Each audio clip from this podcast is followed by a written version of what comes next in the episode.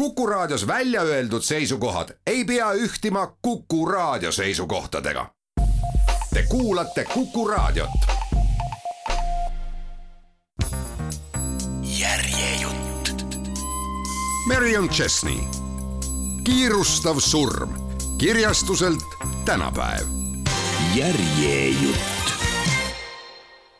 talv on väga demokraatlik aeg Londonis jõudis tema haare nii East Endi slummidesse kui ka Belgrave'i elegantsetele väljakutele.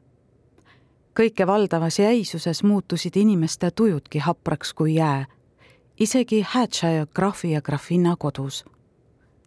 Nende Londoni majas, Eaton Square'il, said otsa süsi ja küttepuud. ülemteener süüdistas majahoidjat ja majahoidja kammerteenrit ning samal ajal, kui see tüli maja alumistel korrustel laineid lõi, toimus tõeliselt äge võitlus ka hoopis teisel teemal. Lady Rose Summer, graafi ja graafinna tütar, nõudis taas endale vabadust, et masinakirjutajana tööd leida. vähe sellest, tema tahtis koos oma toatüdruku Daisy'ga kusagile Bloomsbury ärinaiste hostelisse kolida eelmisel aastal oli Graafil õnnestunud vältida kuningas Edward seitsmenda külaskäiku, kui palkas enda heaks tööle Harry Cathcarti, kes laskis õhku raudteejaama ja silla, et panna kuningat arvama, nagu võiks bolševikud talle Hatshire maavaldusi külastades atendaadi korraldada. nüüd ähvardas Rose, et kui vanemad tema soovidega nõusse ei jää, teeb ta kogu loo avalikuks lugematutesse sallidesse ja etteheitva pilguga loomakeste nahkadesse mässitud Lady Polly üritas veel korra oma tütrele mõistust pähe panna. et üks meie seast alandaks ennast palgatööliseks, oleks seltskondlik katastroof. keegi ei tahaks sind enam naisekski võtta. ma tunnen, et äkki ma ei tahagi abielluda, vastas Rose öelnud seda siis eelmisel aastal, enne kui me sinu hooajale terve varanduse ära kulutasime, käratas krahv. Rose'is oli säilinud veel nii palju häbelikkust, et punastada. Lady Polly üritas asjale natuke leebemalt läheneda. me läheme Nice'i, sulle meeldiks seal, päike, palmid, väga romantiline koht. ma tahan tööle minna see on selle su endisest tantsutüdrukust teenija süü, vihastas krahv. Rose'i teenija Daisy Levine oli tõepoolest endine tantsutüdruk. ta tuli Hatchajade juurde selleks, et teeselda tüüfusesse nakatunud teenijat. see oli olnud Harry Cathcarti esialgne plaan kuninglikku visiiti ära hoida. Rose võttis Daisy enda hoole alla, õpetas ta lugema ja kirjutama, siis masinal kirjutama ning tegi temast daamile kohase teenijanna. isa, see on minu mõte, ütles Rose. me muudkui vaidleme ja vaidleme selle üle, aga mina olen otsustanud. ta lahkus toast ja sulges topeltuksed enda järel vaikselt. hoopis mõjusam, kui neid paugutada. mida me nüüd teeme? hädaldas krahv oma karunahksed kasukad tihedamini ümber tõmmates ta nägi välja nagu väike ümmargune haavata saanud loom. Nad istusid sünges vaikuses. võõraste toa uksed avanesid ja sisse astus kaks teenrit. üks neist kandis sütt ja tulehakatust, teine korvi puudega. oli ka aeg, ütles krahv. mis teil nii kaua võttis? linnas on küte otsakorral, milord, vastas esimene. pidime kaks vankrit linnast välja Stacy Courti saatma Stacy Court oli krahvi maakodu. pange see tuli juba käima, torises krahv. kui leegid tuba soojendama asusid, tundis krahv, et see mõjub hästi ka tema mõtlemisele. ma tean, räägime selle Cathcarti tegelasega, mida temast kuuluks? Lady Glenshild rääkis mulle, et avas oma detektiivibüroo, väga ameerikalik, nagu Pinkertonid ma olen kõigega nõus, ütles krahv. oleksime võinud juba nädala eest Nice'i minna, kui Rose'i poleks. ta helistas kella ja käskis ülemteener Brummil välja uurida, kus asub kapten Harry Cathcarti detektiivibüroo ning paluda tal helistada. härra Cathcarti tuju paranes kohe, kui teener talle krahvi soovi edasi andis. ei saanud just öelda, et tal tegemistest puudus oleks olnud, vastupidi, tema päevad olid neid täis nagu ikka, seltskonnaskandaalide vaigistamisest kadunud koerakeste otsimiseni. ent tema soovis natuke dramaatilisemaid väljakutseid ning kuidagimoodi oli varem graafi heaks töötamine välja viinud mõrvade ja kõiksugu mölluni. ta võttis oma kaabu ja kuue ning kõndis läbi kontori eesruumi, kus tema lambanäoga sekretär Preili Chubbles arvepidamisega maadles. Ma lähen korraks välja, Preili Chubbles, kas soovite, et ma toon teile midagi? oi ei, pole vaja, kapten. Preili Chubbles vaatas jumaldavalt nägusat kaptenit ja tema tihedaid tumedaid juukseid, pikka saledat keha, musti silmi. Harry ajas karusnahaga ääristatud kuue selga ja surus laiaservalise kaabu pähe. tema kontori juures Buckingham Palace Roadil paukus pakan eriti karmilt. Ühes naabermajas olid torud lõhki külmunud ja nõgise telliskivi seina vastas helkisid jääpurikad ülejäänud majade omanikud olid välistorud vanade linade sisse mässinud ja Harryle tundus, justkui saadaksid teda teekonnal kummitused, kes oma kahvatuid käsi härmas katuste poole sirutavad. ta jalutas ettevaatlikult, sest tänavakoristajatel polnud õnnestunud kõnniteid kõvaks külmunud mudast puhtaks teha ja jalgealune oli äärmiselt libe. Teel Eaton Square'ile tundis ta korraga elevust. ta näeb taas skandaalset Lady Rose'i ta mäletas oma viimast kohtumist neiuga, kel on läbitungivalt sinised silmad, tihedad pruunid juuksed ja selle uue Edwardi ajastu kohta ebamoodsalt kõhn figuur. nüüd eelistavad mehed ümaramaid naisi. Graafi majas võttis ülemteener tema kaabu, kuue ja jalutuskepi ning sõnas, et lord ja leedi Hatchaja ootavad teda võõraste toas Harry kõndis tema järel trepist üles ja mõtles, et graafil peab vast tõesti mõni suur mure olema, muidu oleks ta teda oma kabinetis vastu võtnud. astuge sisse, astuge sisse, hõikas graaf. istuge siia tule äärde. Sherrit? jah? Brum, too karafin. Cathcart, kas käisite jahil? ta uuris Harryt viitkuube, kotis pükse, pakse sokke ja nahksaapaid. ei käinud ma mõistan, et minu riietus pole just kõige moodsam, kuid see sobib praeguse külma ilma jaoks ja ma oletan, et te soovisite mind niikuinii tööasjus näha. jaa, ootame, kuni Sherry saabub ja teenritest lahti saame. kus on Lady Rose? oma toas, vastas krahv süngelt. loodetavasti jääbki sinna. kui Rose oma salongi astus, pööras Daisy end akna juures ringi paar minutit tagasi nägin kapten Cathcarti majja tulemas. mida imet tema siin teeb? oh ei, isa küsib vist temalt nõu, aga mida Cathcart üldse teha saaks? leiab mõne kuuleka arsti, kes teid hulluks kuulutab, vastas Daisy. Siis pannakse teid hullumajja ja mina saan sule sappa. seda nad küll ei teeks, naeris Rose närviliselt.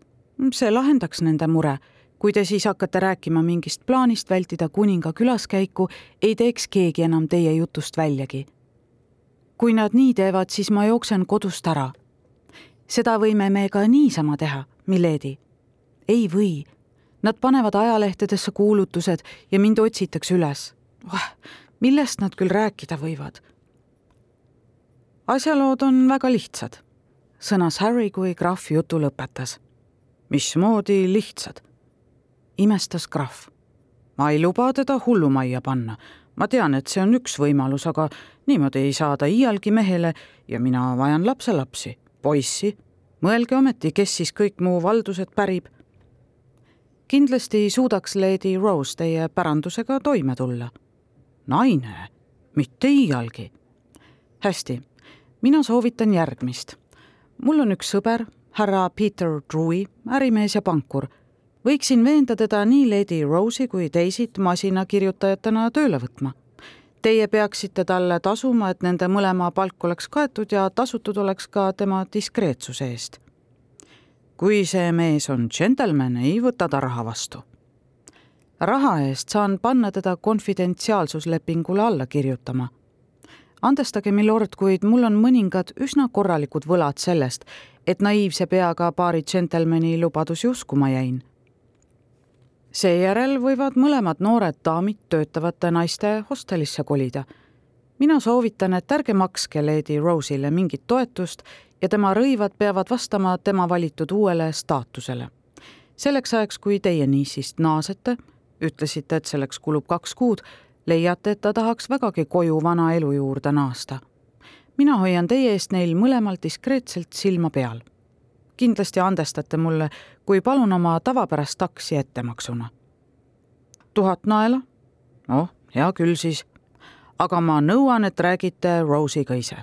minul on tema jonnihoogudest juba kõrini. hästi.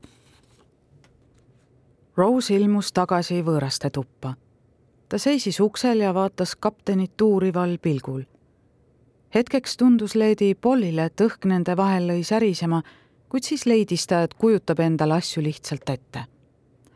kaptenil on sulle midagi rääkida, sõnas krahv. tal on minu unistus. Rose'i kaunis nägu tõmbus kergelt roosakaks. Harry palus tema kätt. nojah, ta ütleks küll ära, kuid siiski tema vanemad lahkusid toast. palun võtke istet, ütles Harry. Rose võttis graatsiliselt istet kamina kõrval tugitoolis. Harry istus tema vastu ja Rose kortsutas kergelt kulmu. kas mees ei peaks mitte põlvele laskuma? ma leidsin teie murele lahenduse, alustas Harry. ma ei soovi abielluda, ütles Rose kuid naeratas talle kergelt ja välgutas oma pikki ripsmeid. muidugi mitte, vastas Harry rõõmsalt. Teie tahate tööle minna ja mina tulin teile appi. Rose'i nägu tõmbus pettunult tõsiseks. ja mis plaan teil on? küsis ta.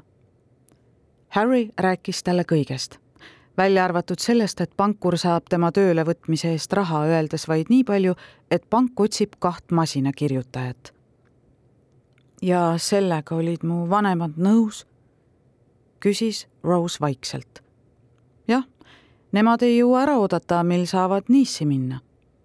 peaksin teid vist tänama, sõnas Rose masendunult. üks asi oli unistada, hoopis teine asi keset jääkülma talve välja tööle minna. hästi siis, kui teil raskusi tekib, andke palun mulle teada. minu kaart Rose tundis tema kaarti vastu võttes, et puhkeb kohe nutma. pidage meeles, et oma tõelist päritolu peate nüüdsest varjama. peate kandma tavalisi riideid ja kasutama lihtsalt Preili Summeri nime. soovitan teil odavaid riideid osta. kindlasti reedavad teie seisust ka teie kõige vanemad hilbud. ei mingit karusnahka. ja kui ma keeldun? siis olge hea tütar ja minge oma vanematega Nice'i seejärel ilmselt Indiasse, kuhu tänapäeval kõik oma hooajal läbi kukkunud debütandid toimetatakse. Teie vanemad ei näi vaimustuvat mõttest veel ühe hooaja peale raha kulutada. Te olete otsekohese ütlemisega, liigagi otsekohese ütlemisega. mina nimetan asju õigete nimedega. tõepoolest. ja sellist klišeelikku mõistujuttu ajate ka kogu aeg. kena päeva teile, Lady Rose täiesti võimatu naine, teatas Harry koju Chelsea'sse naastes oma teenrile Beckettile. usute, et Lady Rose läheb tõepoolest tööle, sir? küsis Beckett ning asetas sherry karafini ja klaasi Harry kõrvale lauakesele. küll ta läheb, kangekaelne nagu eesel. Daisy näris närviliselt pöidlaküünt ja vaatas oma preilit. kui ainult see ilm nii külm poleks pealegi oli teisi juba hea toidu ja ilusate riietega ära harjunud. ta oleks äärepealt veennud Rose'i Nice'i minema, kui kuulis, et kapten Cathcart plaanib sinna puhkama minna. kuid kapten tühistas uue äri avamise melus oma puhkuseplaanid. Daisy arvas, et kaptenist saaks Rose'ile suurepärane abikaasa ja talle endale oli meeltmööda tolle teener Beckett. korraga tuli talle pähe üks mõte, mis tal silmad särama lõi ma nägin The Tatleris üks päev kapteni reklaami, ta avas just oma detektiiviagentuuri. äkki vajab ta sekretäri? ikka põnevam kui pangas töötada. kui hea mõte, hüüatas Rose. ja mina võiks teda detektiivitöös aidata nagu eelmisel aastal. Lähme homme välja, ütleme, et otsime tööriideid, aga tegelikult lähme tema jutule järgmisel päeval tõstis Bareilly Chubbles pilgu trükimasinalt ja vaatas otsa kenale neiule, kelle selja taga seisis tolle teenija tüdruk. kas ma saan teid aidata? küsis ta. mina olen leedi Rose Summer, soovin kapten Cathcartiga kohtuda. kardan, et teda pole praegu siin. milles mure, milady? ma võin märkmed tema jaoks kirja panna see pole vajalik. Ma soovin pakkuda oma teenuseid sekretärina. Preili Chubbles jõllitas teda õudusega. seejärel muutus tema lambalik nägu rangeks ja kaks karva tema põsel oleval sünnimärgil hakkasid ähvardavalt võbelema. kuid ta ei vaja sekretäri. mina olen tema sekretär. aga me oleme kapteniga sõbrad, vastas Rose. Preili Chubbles tõusis püsti see ärahellitatud iludus tahab tema tööd varastada. mina töötan siin, sest mina pean raha pärast tööd tegema, mitte lõbu. Teil peaks häbi olema minu käest vaevaga teenitud leiba ära kiskuda. kasige välja, enne kui teid ise välja viskan. Daisy astus ette, silmad hõõgumas. keegi teile selles appi ka tuleb? Rose püüdis olukorda siluda, pannes käe hoiatavalt Daisy käsivarrele ma eksisin, ütles ta. tule, Daisy. Harry naasis pool tundi hiljem.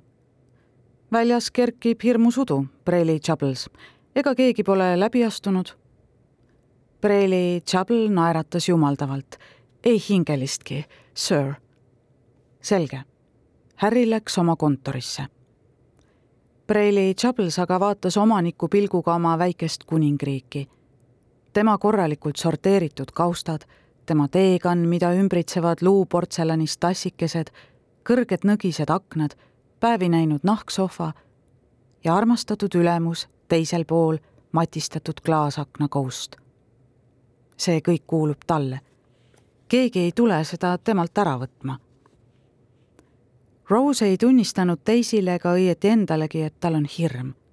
uhkus aga ei lubanud loobuda pärast katastroofilist külastust Harry kontorisse, mille pärast ta tagantjärele sügavat häbi tundis, kõndisid nad mööda Oxford Streeti kesklinna poole, Bourne and Hollingsworthi. Rose asus valima sobivaid valmisriideid.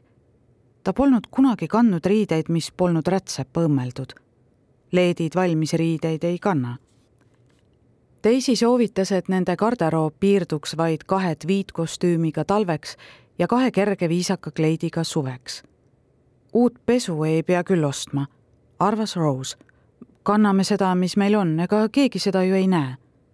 kui just keegi, kes töötavate naiste hostelit peab, ei otsusta meie tubades ringi nuuskida, osutas Daisy. siis võtame ühe vana reisikohvri, sellise, millel on korralik lukk peal ja hoiame aluspesu selles. Ühe kasuka tohin ma ju ometi võtta. Daisy raputas pead tweed natukese karusnahaga ümber kaela on kõige kallim, mida kanda saame. kaks paari saapaid ja kaks paari kingi, kaks vildist ja kaks õlgkübarat. viimaks said kõik nende ostud valmis pakitud. saatke need, alustas Rose, kui Daisy karjatas. mis juhtus? nõudis Rose. ma kaotasin oma käevõru. See jäi vist sinna Rose tegi läbematu häälitsuse ja järgnes Daisyle Te ei saa neid riideid ju Eaton Square'ile saata, sisistas Daisy. saan küll, vastas Rose ja marssis tagasi leti äärde. saatke mu teenija riided sellele aadressile, sõnas ta oma nime kaarti ulatades. sa oled liiga ettevaatlik, noomis ta Daisyt, kui üks krahvi tõldadest neid koju sõidutas. Milady, iial ei saa liiga ettevaatlik olla, vastas Daisy ja hakka juba heaga harjutama, et sa ei kutsuks mind enam Milediks. ma arvan, et parem oleks, kui selle naise hosteli ise välja otsin, ütles Daisy. mispärast? minu meelest peaks ikka minu otsustada olema, kus me elame. Te näete endiselt liiga peen välja. Te ei saa igal pool tõlla, krahvivapi ja karusnahkse kasukaga ringi kooserdada. las mina lähen. hästi, ütles Rose vastumeelse tooni, kuid sisimas suure kergendusega. sügaval tema sees hakkas väike väeti Rose Summer soovima, et ta poleks kunagi tahtnud tööle minna Brian Scorti ettevõtlike naiste hosteli omanik Preili Haringey juhatas teisi oma eraruumi, mööblit ja raamistatud fotosid täis tuubitud salongi esimesel korrusel. väike kollane kanaarilind vahtis õnnetult aknatrellide vahelt Londoni juttu, mis nüüd linnatänavaid endasse mähkis. teisi kandis üht sel päeval ostetud tweedist ülikonda, selle peal kopranahast kraega tweedmantlit teisi enda riided Eaton Square'il olid tõtt-öelda peamiselt kantud, ent enamjaolt sellised, mida tema Preili oli korra kandnud ja siis enam ei tahtnud. Daisy teadis väga hästi, et rõivad, mis tunduvad Rose'ile odavad, näivad Preili Haringey silmis vägagi uued ja kallid välja. Preili Haringey oli väga toekas naine. teda toetav korsett musta puuvillase kleidi all näis olevat otsekui raudrüü tema nägu oli suur ja lai ning silmad selles ebaloomulikult väikesed. tema ebamääraselt pruunikad juuksed olid pealaela suureks krunniks sätitud. ma tahan, et saate kindlasti aru, Preili äh,, Leviin, Preili Leviin. siia majja võtame me vastu ainult laitmatu mainega noori daame. Need riided, mõtles Daisy ta arvab, et ma võin olla kellegi armuke, justkui mõne rikkuri armuke tahaks siin elada. võin kinnitada, vastas Daisy turtsakalt, et mina ja mu sõbratar Preili Summer elame väga töist elu. võin kinnitada, et härrasmeeste vastu meie huvi ei tunne. ja kus teie töine elu käib? linnas, Truise äripangas, nende kontoris. üüri makstakse ette. kui palju? kolme kuu üür. selge vastas Daisy.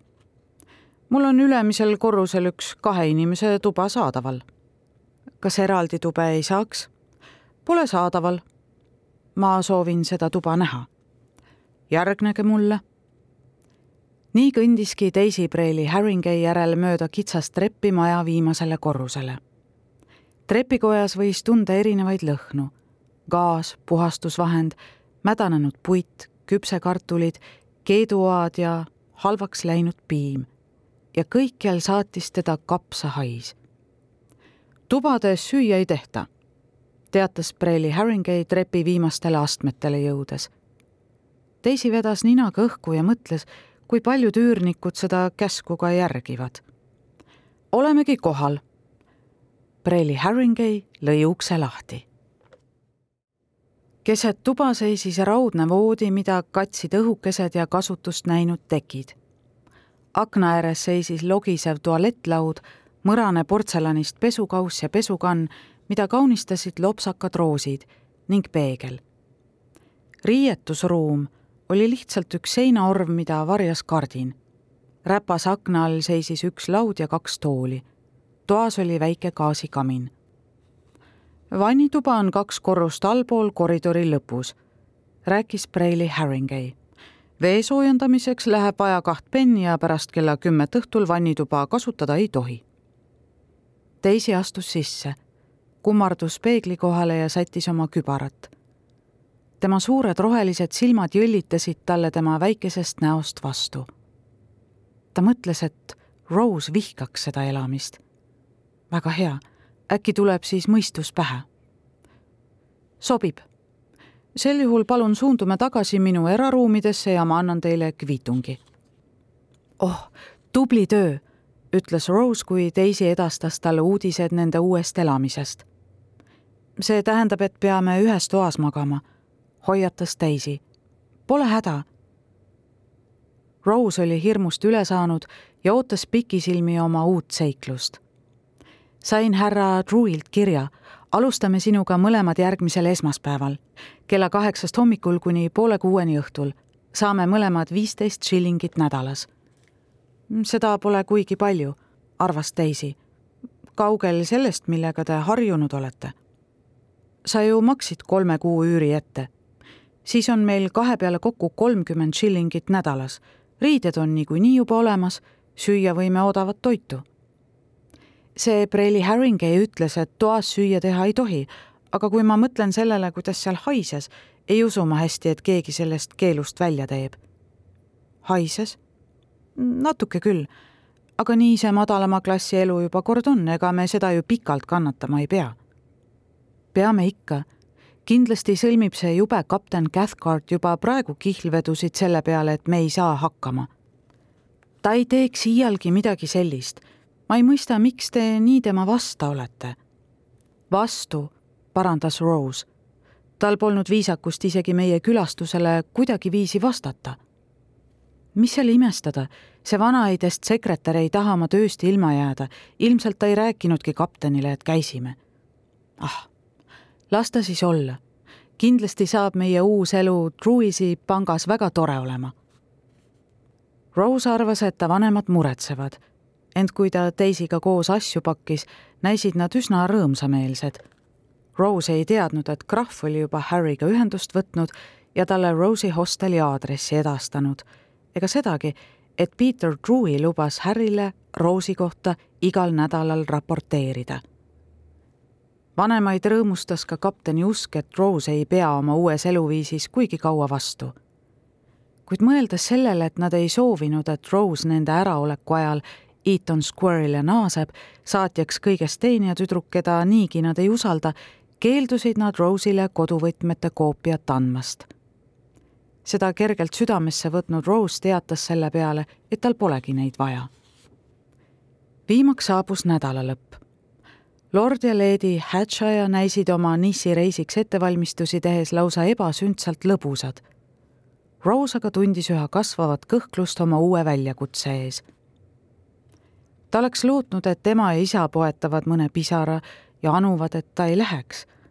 nii võinuks ta oma plaanidest väärikalt loobuda. ent selle asemel leidsid tema ja teisi kohvrid, kaks tavalist ja üks suur sumadan, end välisukse eest trepilt samal ajal kui kammerteener neile troska tellis. kui see oleks mõni romaan, mõtiskles Rose, jõnksatades teele asunud troskas nukralt, jätaksid ema ja isa minuga praegu trepi peal pisarsilmil hüvasti. kuid nende hüvastijätt oli aset leidnud hoopis pool tundi varem võõraste toas ja toimunud pisarate asemel pigem range epistli pidamise kujul viimaks jõudis Troska kitsale tänavale Brian's Courtil Bloomsbury linnaosas. olemegi kohal? uuris Rose murelikult. olemegi kohal, kinnitas Daisy. Loodan, et nad teile vähemalt troskaraha andsid. mul on veel natuke taskuraha alles, vastas Rose. voorimees tänas teda ülevoolavalt ja soovis imelist päeva Miledi, ehmatades Rose'i sellega puhta ära. ta teab, kes ma olen.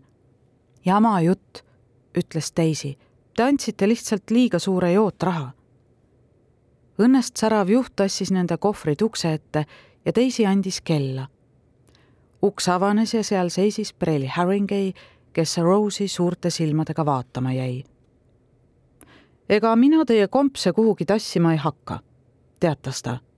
tulge mu eraruumidesse ja saate oma võtmed kätte. Rose seisis närveerides paigal kui soolasammas samal ajal kui Daisy võttis enda kätte kaks võtmekomplekti, millest mõlemasse kuulus üks eesukse ja üks toavõti. Preili Levine teab juba teed, sõnas Preili Haringey. Rose oli liiga masendunud, et midagi öelda. peas nuttis üks hääleke. mida ma küll tegin, oh mida ma küll tegin. Nad otsustasid, et viivad esmalt väiksemad kohvrid üles ja tulevad seejärel Sumadanile järele kohvrid olid kerged tassida, sest neisse olid pakitud vaid mõned nende tööriided, kuid suur sumadan oli hirmraske, kuna ei sisaldanud üksnes ihupesu, vaid hunnikute viisi raamatuid, mida Rose pidas esmavajalikuks ning teisi puhtalt aja ja jõu raiskamiseks. Daisy tegi toaukse lukust lahti. olge lahke, teatas ta rõõmsalt. uus kodu. Rose hammustas huult. ei ta ei tohi nutta. kuid see tuba nägi nii masendav välja, et klomp tahtis kurku tõusta. Ta sundis end ütlema. küllap see sobib. Lähme toome suure kohvri üles. Preili Haringey seisis, käed rangelt rinnal risti ning jälgis huviga, kuidas nad sumadani kahe vahel tassides ülakorrusele ukerdasid. Rose märkas seda esimesel trepipöördel ringi keerates ning heitis talle upsaka ja jäise pilgu. Preili Haringey nohistas pahaselt ninaga ja suundus tagasi oma ruumidesse. Kui nad sumadani nurka seisma said, ajas Rose selja sirgu ja vaatas uuesti ringi. akendel pole kardinaid, ütles ta. me oleme viimasel korrusel sellepärast, ütles Daisy. keegi niikuinii sisse ei näe. mina tahan kardinaid, korralikke, linaseid. esmaspäeva hommikul kell kuus tirises äratuskell Rose'ile tundus, nagu poleks ta üldse sõba silmale saanud. Daisy norskas. unes puges Daisy talle vaat et kaisu, pannes Rose'i tundma, nagu võiks ta ära lämbuda. ärka üles, ütles Rose, sätime ennast valmis. värisedes läitis ta kamina ja gaasilambi ukse kõrval. mina lähen esimesena vannituppa. Nad olid mõlemad möödunud õhtul vannis käinud kartes, et ehk ei pruugi hommikul selleks enam võimalust olla, kuid Rose tahtis oma nägu sooja veega pesta. läites vanni kohal kõrguvat boilerit, mis valju möirgaga tööle hakkas, mõtiskles ta, et kahe penni raiskamine selleks, et nägu pesta, tundub juba praegu ebatarviliku priiskamisena. see vannituba oli üks tõeliselt jube koht. vann ise mõjus nagu sügav surnukirst, ehkki õnneks oli ta nüüd vähemalt puhas Nad teisiga olid pidanud selle eelmisel õhtul puhtaks küürima. Rose pesi näo puhtaks, täitis toast kaasa võetud pesukannu kuuma veega ja ronis tagasi trepist üles. tõin sulle kuuma vett. mis jaoks? imestas Daisy. me ju pesime end eile õhtul. aidake mul korsett selga ajada. Rose sidus Daisy paelad kinni ja asus siis ise kiirustades riietuma. Daisy see pank asub Lombard Streetil, kuidas me sinna saame? jalgsi. Aga see on ju nii kaugel, hädaldas Rose. ma uurin, kuidas siin omnibussid käivad või ehk saab sinna ka metroorongiga. ma tean, ütles Rose. võtame Troska ja palume tal pangast veidi eemal peatuda, ainult see üks kord. hästi siis, ohkas Daisy aga edaspidi peame püüdma oma vahendite piires läbi ajada. kesklinnas töötas kaht tüüpi masinakirjutajaid. Töölisklassi neiud, kes soovisid endale paremat elu ning keskklassi daamid, kes soovisid lisaraha teenida. panga vanem tüdruk oli proua Danby, kõhn ja mõru olemisega neljakümnendates eluaastates naisterahvas. tema pärines keskklassist ja juhtis oma nelja masinakirjutajat raudse rusikaga. proua Danby ei vaimustunud uutest töötajatest, isegi kui see tähendas tema alluvate arvu kasvu. Härra Drewi andis talle käsu need tüdrukud eraldi tuppa istuma panna ja anda neile ülesandeks panga vanadest pearaamatutest maha kirjutada proua Danby osutas, et need pearaamatud on täidetud kõige punktuaalsema ilukirjaga ega vaja ümbertrükkimist muidu nii viisakas härra Drewi nähvas talle, et tehku, mida kästakse. uksehoidja teavitas proua Danbit uustulnukate saabumisest ja ta marssis pangasaali nendega kohtuma. Ainus, mis tema halba tuju veidi leevendas, oli uue ja väga hinnalise taftist alusseeliku kahinda kõrvus. tema ees seisid laitmatus riietuses uued tüdrukud. mina olen see, kes teie järele vaatab teatas ta.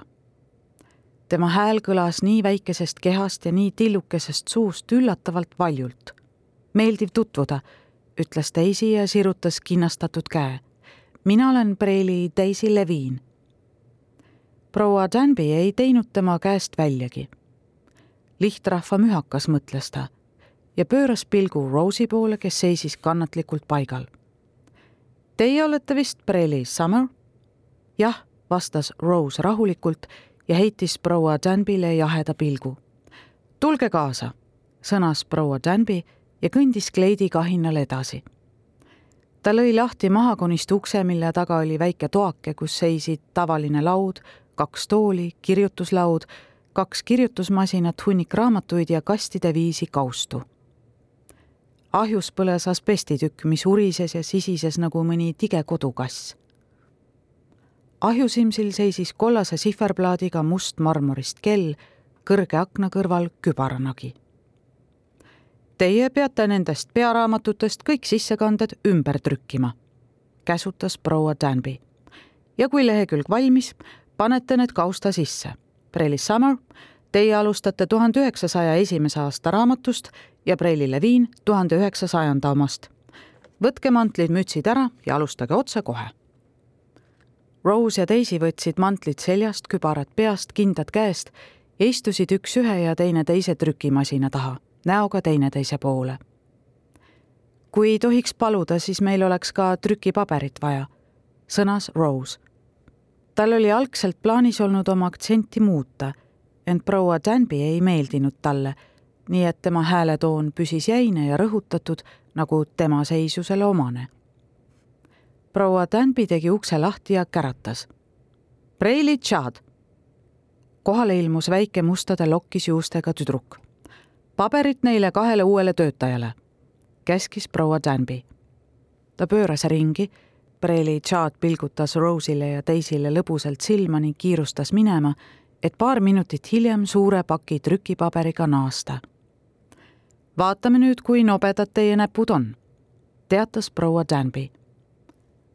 Rose ja Daisy asusid tööle nagu masinavärk. asetasid paberilehed õigetele kohtadele, otsisid oma raamatud üles ning asusid meeletu kiiruse ja mängleva kergusega trükkima. ma lahkun nüüd teadustas proua Danby majesteetlikult. üks hetk, proua Danby, hõikas Rose.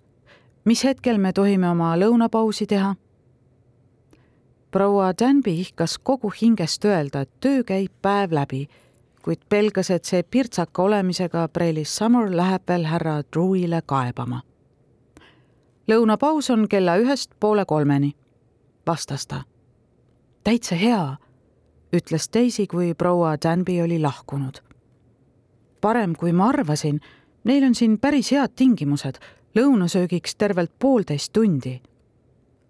see on nüüd küll üks väljamõeldud töö, sõnas Rose. Neid pearaamatuid pole mingil juhul tarvis uuesti ümber kirjutada. mis seal ikka, teeme ära, ohkas Daisy. kui me selles osavad oleme, äkki annavad meile ka päris tööd Nad kummardusid uuesti masinate kohale ja lõunaajaks lõid nende õlad valust tuld. järjejutt. Marion Chesney, kiirustav surm kirjastuselt tänapäev. järjejutt